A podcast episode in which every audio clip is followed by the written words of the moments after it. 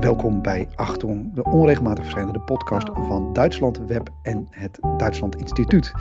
Mijn naam is Maarten Westerveen en ik zit hier weer als vertrouwd met Wiepke Pitlik en Marja Verburg. Marja, fijn dat je er weer bent. Ik had graag gezien dat ons onderwerp vandaag net zo vrolijk was, maar helaas, we staan vandaag stil bij uh, ja, de verjaardag van de oorlog in Oekraïne. Vorig jaar zaten we ook zo rond carnaval met dezelfde uh, wat zwaarmoedige stemming. Uh, we zijn nu een jaar verder. Marja, is er nou eigenlijk iets in die stemming veranderd? Als jij nu als journaliste hiernaar kijkt, eh, hoeveel is er voor jou veranderd in dat jaar als het gaat om dit conflict? Ja, aan het, aan het begin.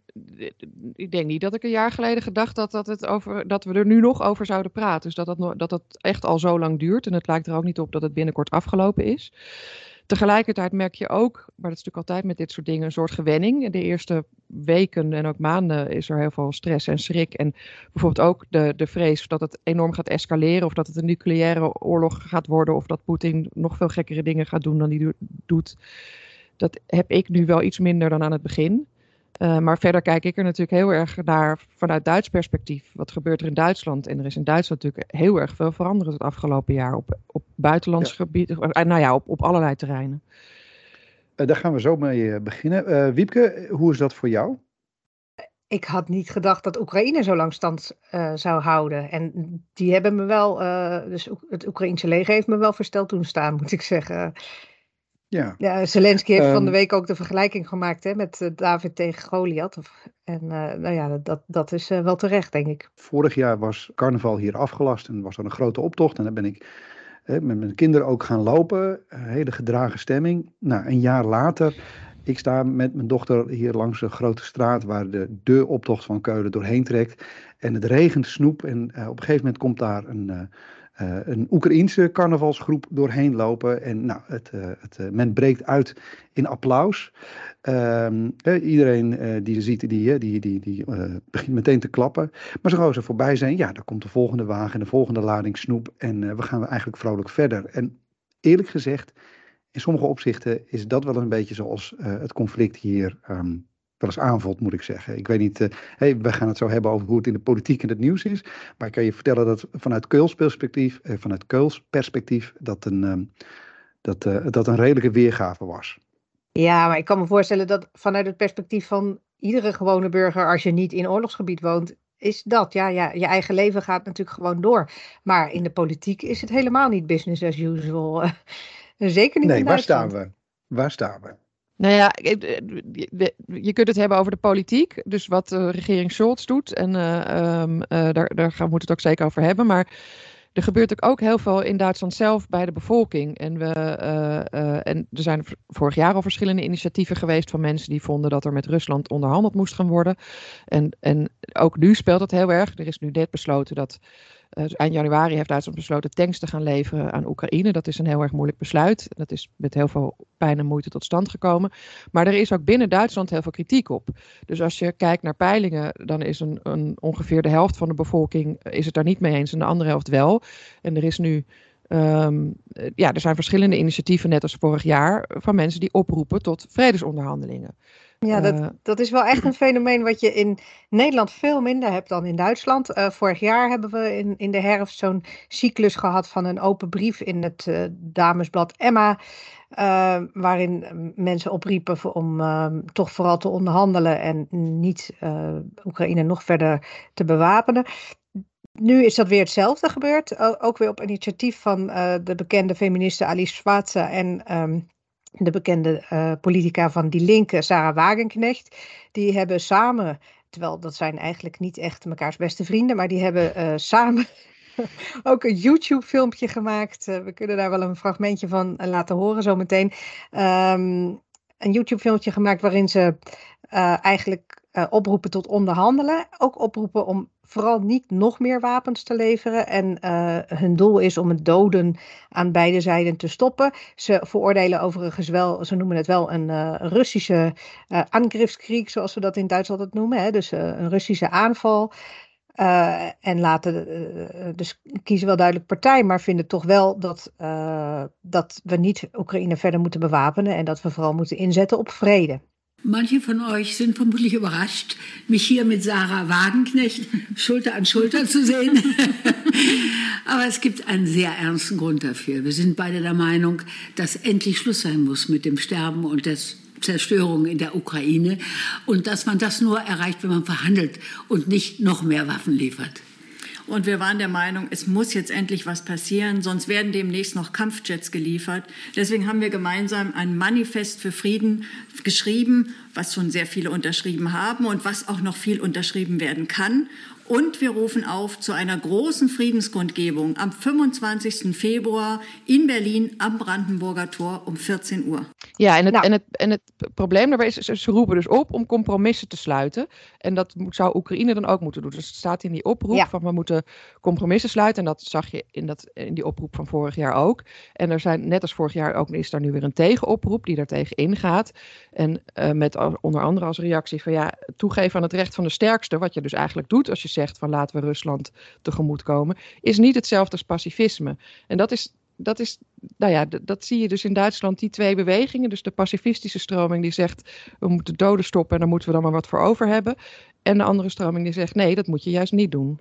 Ja, en nog even teruggaan op die uh, petitie, want die is door 69, want je zou kunnen denken, nou ja, die twee uh, um, initiatiefnemers, voor welke groep staan die dan? Nou, ze hadden 69 uh, eerste ondertekenaars, dus uh, mede-ondertekenaars. En inmiddels is die al meer dan 600.000 keer getekend, want het was gewoon een, een online petitie waaraan iedereen kon deelnemen.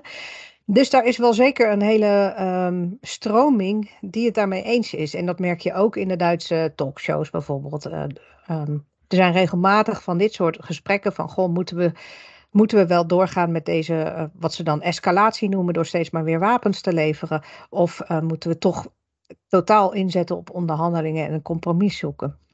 Is dat nou allemaal terug te brengen op de lessen van de Tweede Wereldoorlog of hoe zit dat? Er zijn denk ik twee dingen die je daarin moet onderscheiden. Namelijk het eerste wat jij inderdaad net zegt, de lessen van de Tweede Wereldoorlog. In Duitsland speelt heel sterk het gevoel, zeker ten opzichte van Rusland. Wij moeten als Duitsland geen, geen, geen, geen oorlog uh, ondersteunen of geen, oorlog voeren. Zeker niet in Rusland, want dat heeft zo erg onder ons, onder de nazi-bezetting geleden. Dus dat speelt bij alles een enorm belangrijke rol. Daar, daar, dat is een, deels een verklaring voor dat pacifisme. En tegelijkertijd heb je in Duitsland, en zeker in Oost-Duitsland, de Ruslandversteer. Dus de mensen die sowieso meer op het spoor van Rusland zitten. Dat heeft ermee te maken natuurlijk dat in Oost-Duitsland uh, lang bij het Warschau-pact hoorden. Dus uh, met de Sovjet-Unie. Die zijn ook opgegroeid met Russische cultuur, Russische literatuur. Hadden nauwe handelsbetrekkingen met Rusland. En je ziet in die Oost-Duitse deelstaten, dat zag je al na de bezetting van de Krim in 2014. Die pleiten heel erg voor het opheffen van die sancties. Want die willen handel drijven met Rusland. En dat, dus sinds het begin van de oorlog is daar veel in veranderd. En is er ook in Oost-Duitsland toch ook wel het idee van, nou ja, niet, niet alles wat Rusland doet is goed. En die veroordelen die oorlog ook. Maar die zijn veel minder geneigd om bijvoorbeeld het eens te zijn met, met de NAVO of uh, met wapenleveranties. Die zitten daar anders in. En dat, dat zijn dus twee stromingen die tegelijkertijd door elkaar spelen. En die dat debat in Duitsland echt heel anders maken dan bij ons. Ja, en in, in Oost-Duitsland is ook van oudsher een soort wantrouwen jegens uh, Amerika, de Verenigde Staten. Ja. Uh, dat speelt ook een rol en inderdaad ook tegen de NAVO. En uh, wat denk ik ook en misschien wel in toenemende mate een rol speelt, is de desinformatie die ook in Duitsland een rol speelt vanuit Rusland. Dus um, nou, je hebt bijvoorbeeld al bijna een kwart van de bevolking stemt op de AFD. Volgen, die mensen die volgen ook de AFD nieuws kan, niet dat die eigen kanalen hebben, maar die zitten in die bubbel, zeg maar. En juist in die bubbel wordt heel veel Russische desinformatie verspreid. In dat debat heeft zich ook uh, in de categorie van, oh hij leeft nog, uh, Jurgen Habermas zich gemeld. Um, en die heeft zich ook voor onderhandelingen uh, uitgesproken. Wat is zijn redenering? Wat is zijn, hè, wat is zijn betoog? Um, en wat betekent ook dat Habermas zich in deze, op deze manier zich roert? Ja, Habermas, de, de beroemde filosoof, is inmiddels 93. Um, uh, hij vindt dus ook dat we uh, moeten deescaleren en uh, roept op tot onderhandelingen en denkt dat dat eigenlijk de enige manier is om, um, om een uitweg te vinden. Daar is overigens ook weer heel veel kritiek op gekomen. Er zijn allemaal tegen. Dus hij heeft een, een stuk gepubliceerd, een soort essay, waarin hij dat bepleit. En daar zijn weer allemaal tegen-essays over geschreven. Dus het is echt wel een heel levendig debat. Wat, wat, is zijn logica eigenlijk? Wat, is, wat maakt dat hij zich op deze manier. wat maakt dat hij voor die onderhandelingen pleit? Wat, wat is, nou ja, een, een van de dingen die hij zegt is dat het Westen en ook Duitsland en de NAVO, dat, dat die heel duidelijk moeten zeggen wat, en Amerika, wat hun doel is in deze oorlog. Uh, dat is natuurlijk ook een discussie die je kunt voeren. Er zijn mensen die zeggen uh, Oekraïne mag niet verliezen. Dus, uh, er zijn anderen zeggen Oekraïne moet winnen. Dus, er zitten allerlei nuances in. En hij vindt dat er eigenlijk veel duidelijker in gemaakt moet worden wat nou uiteindelijk het doel is. Um, maar tegelijkertijd, nou ja, het, deels overlapt het ook wel weer met die oproep van Zwartser en Wagenknecht. Toch onderhandelen om te zorgen dat dat, eh, dat, dat, dat moorden een eind heeft. Alleen Habermas uh, um, formuleert daar wel in dat we wel moeten zorgen dat de Poetin geen territorium oplevert. Dus dat hij geen nieuw territorium mag krijgen wat hij voor de inval niet had. En dat we tegelijkertijd wel een uitweg moeten creëren voor Poetin dat hij zijn gezicht kan redden. Dus dat is eigenlijk zijn uh, insteek. Maar als je zegt geen territorium dat hij het voor de oorlog al niet had, dan geef je dus eigenlijk de Donbass en de Krim op. En dat is natuurlijk waar Oekraïne nooit mee akkoord zal gaan. Ik geloof dat we hier wel zo'n beetje de crux van het probleem te pakken hebben, sowieso. Um, want de vraag is natuurlijk hoe, je dat terug gaat krijgen als alleen Oekraïners dat zullen uh, moeten gaan doen. Um, nou ja dat, ja. dat, is het antwoord daarop is wapenleveranties. Zorgen dat Oekraïne zoveel mogelijk gebied heeft terugveroverd voordat je überhaupt. En, en zorgen dat Rusland inziet dat het geen zin heeft dat ze, dat ze de oorlog niet gaan winnen. Maar dat gaat nog wel een tijdje duren.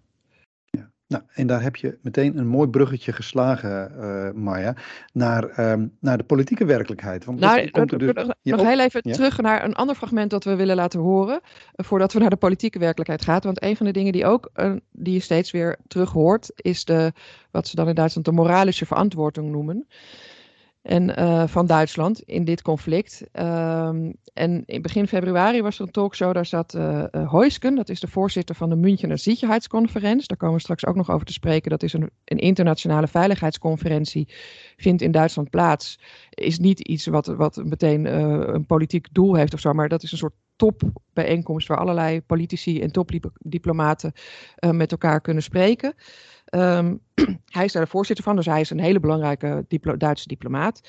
En hij zat in een talkshow um, en raakte in gesprek, uh, reageerde op Wolfgang Merkel, dat is een politicoloog, die eigenlijk sceptisch, was over die, sceptisch is over die wapenleveranties. En hij legt uit waarom het per se wel moet.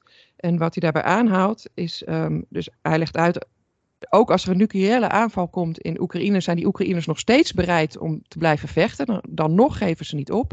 Dat geeft wel aan dat wij uh, ze moeten blijven helpen als, als ze zo moedig zijn. Um, en hij refereert aan Babi Yar.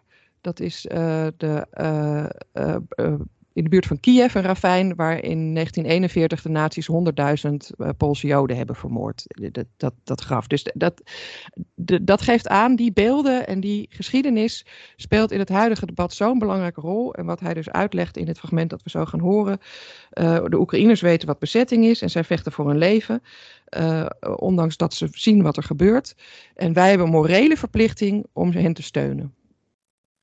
89 Prozent der Ukrainer sagen, wir kämpfen weiter. Mhm. Also ähm, die Ukrainer wissen, was Besetzung durch Russland ähm, heißt. Die stehen da, die, die kämpfen um ihr Leben.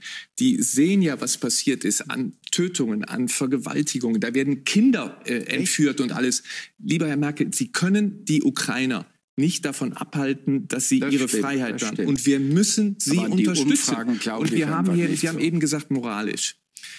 Vor 80 Jahren hat die deutsche Wehrmacht in Babinjar an einem Wochenende 30.000 hm. jüdische ne? Ukrainer umgebracht. Ja, mhm. Kiew. Mhm. Und da haben wir aus meiner Sicht eine moralische Verpflichtung, sie zu unterstützen und nicht eine moralische Verpflichtung, uns rauszuhalten. Die Münchener Sicherheitsconferentie, die is heel belangrijk omdat mensen elkaar op, op uh, topdiplomaten en politici elkaar gewoon kunnen spreken en elkaar daar ontmoeten. Maar er komen inderdaad regelmatig, uh, uh, nou ja, ook dit soort uitspraken. En, Ja, en eigenlijk had Duitsland daar dit jaar ook de nieuwe nationale veiligheidsstrategie willen presenteren. dat is eigenlijk iets wat deze regering al heeft vastgelegd in het regeerakkoord. Dat, dat heeft Duitsland nooit gehad. Een soort allesomvattende veiligheidsstrategie, wat dan ook over binnenland en over buitenland gaat, waar gelijk al de crux zit, want dat vergt dus veel afstemming. Um, en daar zou ook aan gekoppeld worden een soort um, Security Council, naar, naar Amerikaans voorbeeld. Dus een zitjeheidsraad die dan ook bijeen kan komen in uh, geval van nood. Um, die strategie wilde Duitsland eigenlijk presenteren op, in, in München. Maar hij is nog niet klaar. En dat heeft ook te maken met een, echt een groot conflict binnen de Duitse regering. En eigenlijk twee stromingen uh, in de buitenlandpolitiek die in die ene regering verenigd zijn. En dan heb je namelijk aan de ene kant kanselier Scholz. Die uh, geldt als realist en uh, een pragmatisch buitenlands beleid voorstaat. in de lijn van Angela Merkel, zijn voorgangster. en daarin staan dan vooral eigenlijk de Duitse belangen voorop. Dus Duitsland moet vooral handelen naar de Duitse belangen op internationaal gebied. Um, daartegenover staan de Groenen met hun meer uh, een buitenlandpolitiek gebaseerd op waarden en vooral ook op mensenrechten. En uh, daarin staan dus niet altijd de Duitse belangen voorop. En de minister van Buitenlandse Zaken, dat is Annalena Baerbock, die is van de Groenen. En het lastige is, dan zou je zeggen, nou, die gaat daarover. Nee, want in Duitsland uh, heb, heeft de kanselier de zogenoemde richtlijniencompetentie. Dat betekent eigenlijk dat hij uh, grote belangrijke kwesties tot uh, chefzaken kan bombarderen. En dan gaat hij er dus over. En dat is dus bijvoorbeeld het geval met de uh, omgang met China. Dat is chefzaken, dus dat wordt op uh, kanseliersniveau uh, bepaald. En dat geldt ook voor de oorlog in Oekraïne.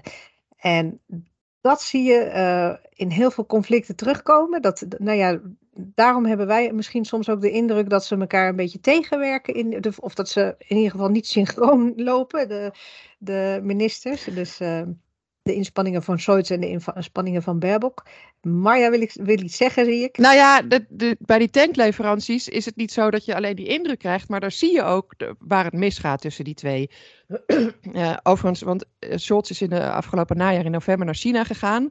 En toen heeft Baerbock van tevoren ook publiekelijk gezegd: ja, maar als je daar naartoe gaat, dan moet je wel de mensenrechten aanspreken. En dat was Scholz helemaal niet. En niet alleen bij Scholz, maar bij meer mensen in het kabinet is dat helemaal verkeerd gevallen. Van wat heeft die minister van Buitenlandse Zaken? Die hoeft toch echt geen, geen instructies aan Scholz te geven als hij naar China gaat. Dus da daar zat al frictie. En bij die tankleveranties, dus Duitsland heeft eind januari besloten inderdaad toch uh, Leopard tanks te gaan leveren um, uh, aan Oekraïne. En dat heeft heel erg lang geduurd voordat ze over de brug kwamen en daarmee eens waren. En je zag vanaf de zomer vorig jaar uh, dat dat steeds verder uit elkaar liep tussen Baerbock en uh, Scholz. De, die Zeit heeft daar een uitgebreide reconstructie van gemaakt. Baerbock had het idee, wij moeten zo snel mogelijk die tanks gaan leveren naar Rusland. Dat, en ze is vorig jaar zomer in Amerika geweest en toen heeft ze, ze kan het goed vinden met haar uh, Amerikaanse collega Blinken, uh, met hem over gehad. Van nou ja, ik vind eigenlijk ook dat we dat moeten doen. Daarmee ging ze eigenlijk in tegen Scholz, die nog helemaal niet zo ver was. En daar hebben de Amerikanen heel erg verbaasd op gereageerd. Van wat moeten we hier nou eigenlijk van denken? Probeert Baerbock nou via ons druk op Scholz uit te oefenen? Of die zijn toen heel terughoudend en voorzichtig gebleven. Maar die zaten toen al een beetje van, wat, uh, waar gaat dit heen? Uh, heeft vervolgens ook in Duitse media nog een aantal keer uh, duidelijk gezegd... we moeten tanks leveren. Daardoor dus ook publiekelijk uh, onder druk gezet. Um, en Baerbock zegt, ja, ik krijg bij mijn ministerie van Buitenlandse Zaken... of als ik op internationale tops ben, krijg ik de klachten van al die landen over mij heen... dat wij veel te weinig doen. Dus ik vind dat wij, dat wij daar wat meer in moeten doen. Toen is ze in januari. En toen was de situatie alweer wat veranderd. Want toen was die strijd in Bakhmut losgebarsten. Dus het was nog veel dringender dat er tanks zouden komen in Oekraïne. Toen is Baerbock naar het Verenigd Koninkrijk gegaan. En daar heeft ze gezegd tegen de uh, Britse minister van, van, Buitenlandse Zaken. Gaan jullie nou maar Challenger tanks leveren? Want dan, uh, dan, moeten wij, dan kunnen wij niet achterblijven. Daarmee dus weer Scholz omzeilend. Nou, die Britten hebben dat op een gegeven moment ook bekendgemaakt. Van uh, dat gaan we doen. Uh, Scholz en Baerbock spraken eigenlijk al sinds september nauwelijks meer met elkaar, is het volgens die site. Dus die hebben dat, uh, Scholz was, had daar een beetje genoeg van, van wat Baerbock allemaal deed.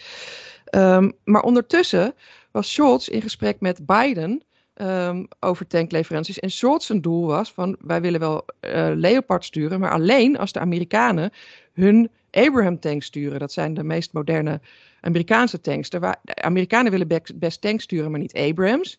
Want die zijn helemaal niet handig in die strijd. Die zijn veel te eh, eh, moeilijk om te transporteren, maar ook om daar te gebruiken. dus die Leopards, dat is dan de pech van Duitsland, zijn verreweg de handigste tanks om in te zetten in Oekraïne. En uh, die zijn er ook heel erg veel van in Europa. Dus ook als andere Europese landen Leopard tanks willen leveren, moeten ze toestemming krijgen van Duitsland. En Scholz heeft toen tegen de Amerikanen gezegd: wij geven alleen toestemming voor die levering als jullie Abraham sturen, nou, daar waren de Amerikanen niet van plan. En dwars daar tussendoor heeft Baerbock opeens gezegd, als andere landen ons vragen om tanks te leveren naar uh, Oekraïne, dus die Leopard tanks, als Polen dat vraagt, of Spanje of Nederland of welke landen dan ook, uh, dan gaan wij ja zeggen. Dat was helemaal tegen het cerebeen van Scholz, want die was nog met die Amerikanen aan het onderhandelen. Maar dat wist Baerbock niet, want dat had Scholz weer niet tegen Baerbock gezegd. Dus er is op de achtergrond enorm veel gesteggel en gedoe geweest. Het eind van het liedje is dat de Amerikanen hebben toegegeven. Uh, wel zoiets van, we gaan die Abrams leveren, maar dat, dat gaat nog maanden duren. Maar dat gaf Scholz de, de, de gelegenheid om te zeggen: zie je wel, ik heb die Amerikanen meegekregen. En dat is dus een beetje de vraag: is dit nou een briljante strategie van Scholz? Of heeft hij hier eigenlijk toch ook echt wel mee credits verspeeld bij de Amerikanen? Want die zijn hier echt niet blij mee. Ja, het, het kwam hier ook heel erg in de media als dat het een beetje kinderachtig is om, uh, van Scholz om te zeggen: wij leveren alleen als jullie. Uh, maar uh, waar, waar zelf ook wel een paar keer op gehint heeft, is dat bij hem ook meespeelt, is hij wil wel de zekerheid. Hij benadrukt steeds dat hij niks in alleingang wil, hè? dus niks in zijn eentje. En um, Amerika is natuurlijk momenteel niet zo'n betrouwbaar. Ik bedoel, Biden is een betrouwbare partner. Maar wie weet wie de volgende president weer is. En um, als we een paar jaar verder zijn, die oorlog is nog steeds bezig en uh, Duitsland levert daar volop wapens, uh, Amerika veel minder. En er komt bijvoorbeeld weer een president Trump die zegt, nou weet je, ik trek me helemaal terug uit dit conflict. Dan staat Duitsland daar alleen, ineens alleen. En wat zowel de minister van Defensie als ook al um, kanselier Scholz heeft aangegeven is, Duitsland is geen kernmacht. Die hebben zelf geen kernwapens. Dus die willen toch wel de backup van een Amerika. Dus dat is ook niet helemaal een gekke gedachte. Ik vond dat het wel heel uh, ongenuanceerd hier in het beeld werd geschetst. Nee, dat, dat klopt. Dus dat, dat, dat aarzelen van Duitsland, dat is best te begrijpen gezien de omstandigheden. En bovendien, dat legt Scholz ook steeds uit. We willen dat niet alleen. Alleen, het is natuurlijk wel heel gênant als, als daar binnen de regering als die mensen elkaar in de weg zitten. Dus Baerbock die ondermijnt de strategie van Scholz, maar Scholz legt zijn strategie ook weer niet uit aan Baerbock. Ik wou dus... zeggen, want het is, het is uh, andersom net zo goed zo. Dat uh, Scholz wordt verweten dat hij überhaupt heel weinig uh, communiceert. Ook met bijvoorbeeld vanuit Frankrijk is dat een heel sterk geluid dat Scholz niet overlegt. van Merkel is bekend dat hij op een gegeven moment bijna dagelijks contact had met Macron bijvoorbeeld. Scholz doet dat niet. Um, en dus ook niet met zijn eigen um, ministerie van Buitenlandse Zaken of zijn minister Baerbock. Um, dus het is wel een wisselwerking tussen die twee, inderdaad. In, ja, zeker. In maar... media... Ik ga even wachten, want ik, eh, als mensen nu nog mee aan het schrijven zijn, dan hebben ze waarschijnlijk bij het vijfde A4'tje opgegeven om de complexiteit hiervan nog bij te houden. Um, maar, maar hoe kan dit? Want deze mensen zitten he, in een coalitie, ogenschijnlijk allemaal in hetzelfde schuitje. Dus he, we snappen een beetje nu van hoe Scholz erin staat toch het midden belopen en niet te veel risico's. En ook niet risico's voor Duitsland zelf. Maar wat is voor Baerbock dan de reden om op deze manier hè, het, uh, het onderwerp te forceren? Ja, in, in, in Duitse media gaat het de laatste weken, wordt al vaak de, de beeldspraak gebruikt, de Koch en de Kellner. En dat is een, uh, eigenlijk een gerecyclede beeldspraak die al stamt uit de tijd toen nog uh, de SPD'er Schreuder kanselier was. En de groene minister Joska Fischer, die u misschien nog wel kent, minister van Buitenlandse Zaken was. Die hadden zo'nzelfde clash. Die hebben natuurlijk ook dezelfde buitenlandse politieke idealen. En die hadden dezelfde clash en dat werd toen al de Koch en de Kellner, dus de, de kok en de kelner kwestie genoemd. Wie is nou de kok, wie is de kelner? En, dat, en uh, ik, kwam nu ook stukken tegen van het begin, toen deze regering net begon, een jaar geleden, waarin dit eigenlijk al uh, werd aangegeven van ja, dit is. Een, een, deze kwestie gaat spelen en dat wordt nog heel spannend hoe dit. Uh, dat is gewoon een machtsstrijd tussen die twee um, uh, de kanselier en de minister, die uitgevochten moet worden. En dat, dat zit dus eigenlijk al in het systeem ingebakken. Nou, en in het systeem en in de, en in de persoonlijkheden van deze twee mensen. Bovendien, ja. nog verder teruggaand, je zag dit ook al tussen Kool en Kenscher. Kool die toen een tien puntenplan had voor de eenwording van Duitsland. En dat niet met zijn minister van Buitenlandse Zaken Kenscher deelde, omdat hij bang was dat die er vervolgens mee aan de haal ging. Dus het, het heeft met machtsstrijd te maken, maar dus ook met karakters. En, en Baerbock die staat zich er ook op voor van ik vind emoties belangrijk en waarden. Uh, en ik, dat draag ik ook uit en dat wil ik ook laten zien. Scholz is juist veel meer een technocraat, die, die, een bestuurder. Uh, ik, ik, kwam laatst twee, uh, hoe heet het, van in uh, karakteriseringen van hem tegen dat hij gevoelsaskeet wordt genoemd, dus iemand met weinig gevoel. En een uh, pathos abstinensler, dus iemand die weinig pathos heeft. En dat klopt ook wel. En, en Baerbock is het tegenovergestelde. Dus die kunnen qua communicatie al heel slecht met elkaar. En verder denk ik dat Baerbock gedacht heeft, als Scholz maar zo blijft aarzelen. Ik vind het belangrijk dat die tanks Oekraïne. Zij is daar geweest. Zij laat zich. De Scholz overigens ook. Maar zij is dan geraakt. En zij wil dat dat, dat, dat, dat, dat moorden en die ellende daar ophoudt. En haar, haar idee is. Daar moeten dus zo snel mogelijk. zoveel mogelijk wapens naartoe. En dat moeten wij doen. Ja. En even een vraagje. Um, wacht even, ik, wilde, ik zit even te denken, ik zit zelf mijn eigen. Uh, hebben we in Nederland een. Is dit ook eigen aan hoe de, het Duitse politieke systeem is opgezet? of of ja. ik zit even te denken of wij in Nederland vergelijkbare situaties hebben. Want ik kan me herinneren in ieder geval dat, dat hè, je noemde net uh, Joschka Fischer. Nou, het is ook uh, weer 25 jaar geleden dat de Irak-oorlog was, waar dit allemaal speelde. Ik kan me in Nederland een redelijk, over het algemeen relatief harmonieuze coalitiehandelingen uh, herinneren. Maar misschien heb ik het fout. Is dit iets dat ook eigen is aan het Duitse systeem, is wat ik wil weten.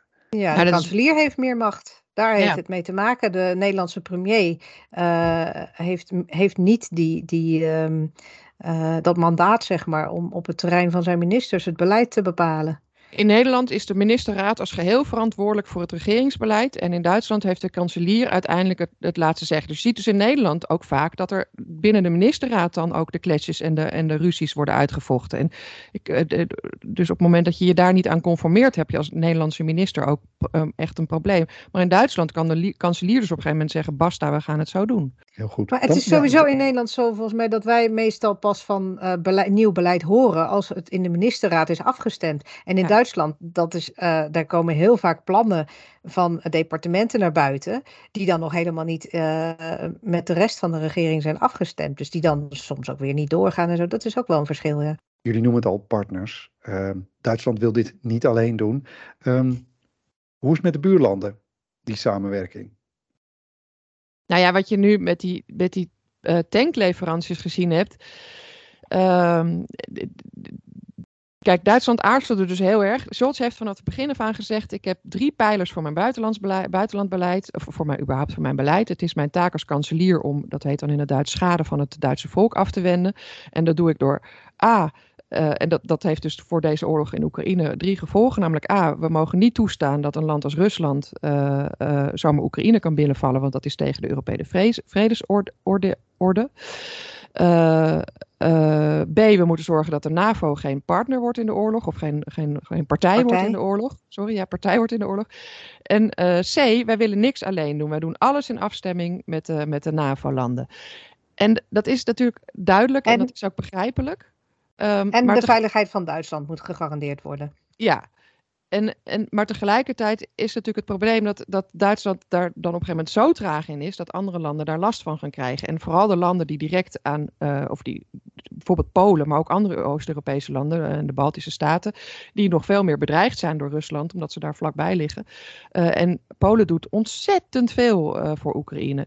Die willen, nou, Polen heeft op een gegeven moment gezegd, wij willen die Leopards gaan leveren, die wij hebben. Wij hebben Duitse Leopards, maar daar hebben ze dus toestemming voor nodig voor Duitsland. En dat heeft heel lang geduurd voor Duitsland dat wilde geven. En op die manier zet Polen Duitsland wel onder druk. Van het is nu aan jullie, jullie houden het tegen. En dat is natuurlijk ook een soort aanspreken op een morele verantwoordelijkheid van Duitsland. Daar is Duitsland erg gevoelig voor. Dus dat, dat maakt het allemaal buitengewoon lastig. Maar uh, we moeten ook wel waken dat we niet ook meegaan in de hele uh, uh, manier, in, in de spin, zeg maar. Want heel veel weten we ook niet. En bij Polen is het bijvoorbeeld zo, dat werd ook wel gesuggereerd. Maar ik bedoel, er kwam toen ontzettend echt een, een lawine van uh, druk over Duitsland heen door internationale publicaties in eigenlijk alle grote internationale uh, kranten en andere media. Uh, werd gezegd, ja, zie je, Polen wil leveren, Duitsland houdt dat tegen. Duitsland is hier de grote um, treuzelaar, zeg maar.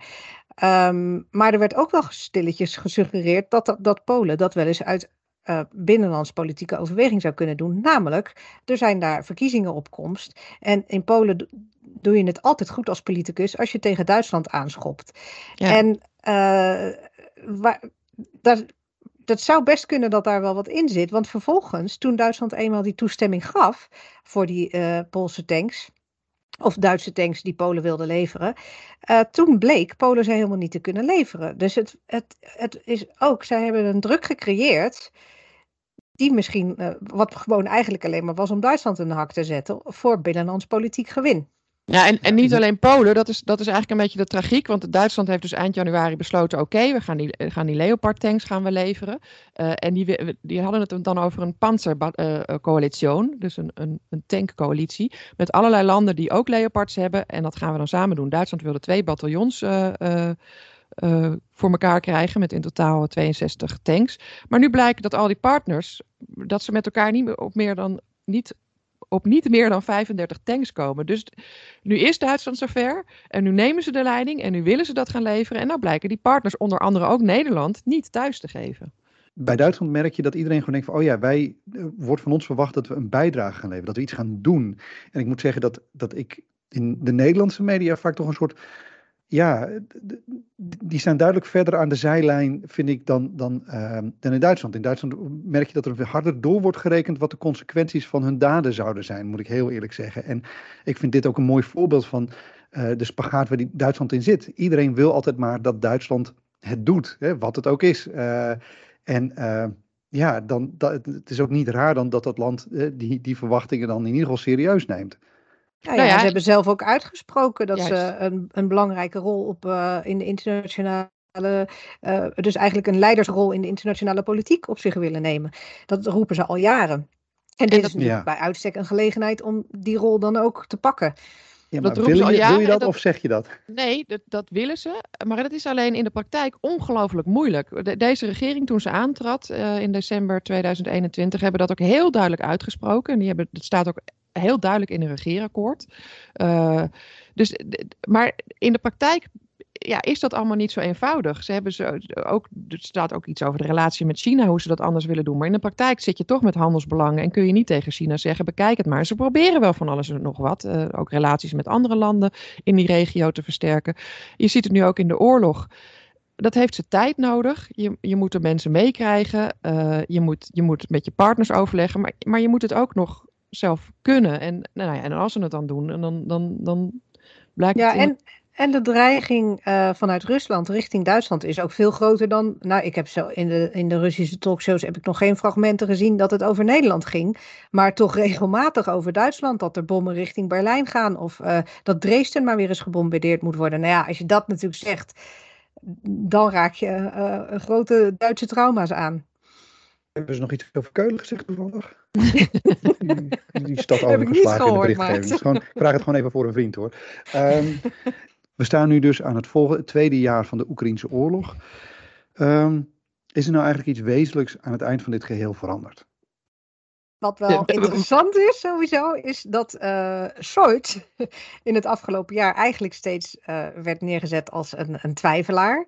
En uh, die heeft nu ook op die Münchner Sicherheidsconferentie duidelijk een poging gedaan om dat beeld om te draaien. En dat is nu, die is van twijfelaar eigenlijk naar um, het drukzetter, hoe moet je dat de zeggen? Kartrekker. Die, de kartrekker. Hoe noemen Duitsers dat? Is, is daar een goed Duits woord voor? Hoe noemden ze het nou nu? Panzer, zouden zou er een... Uh, dat zou weet ik even niet naar de, nou ja, maar de, de, de, de leider van de Panzercoalitie. ja. Maar uh, in ieder geval roept hij nu dus, hij zegt ja, wij, uh, uh, hebben nu, wij leveren die Leopards, kom op andere landen. het is echt nodig dat jullie nu ook over de brug komen. Dus hij, hij is nu eigenlijk de, degene die juist druk op de andere landen zet nog een kleine Noemen aantekening niet gewoon de panzerkansler, want dat is toch gewoon de meest Ja, voor de hand liggende.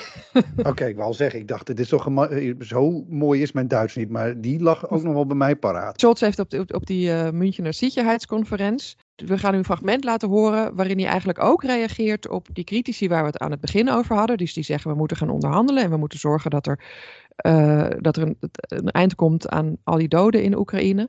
Daarvan zegt Scholz, het zijn niet de wapenle- wapenleveranties die die oorlog verlengen. Het zijn juist de wapenleveranties die ervoor moeten gaan zorgen dat die oorlog korter wordt. Die het namelijk duidelijk moeten maken aan Rusland en aan Poetin dat zijn imperialistische eh, machtsaspiraties, dat die geen zin hebben. Dus hij draait het om.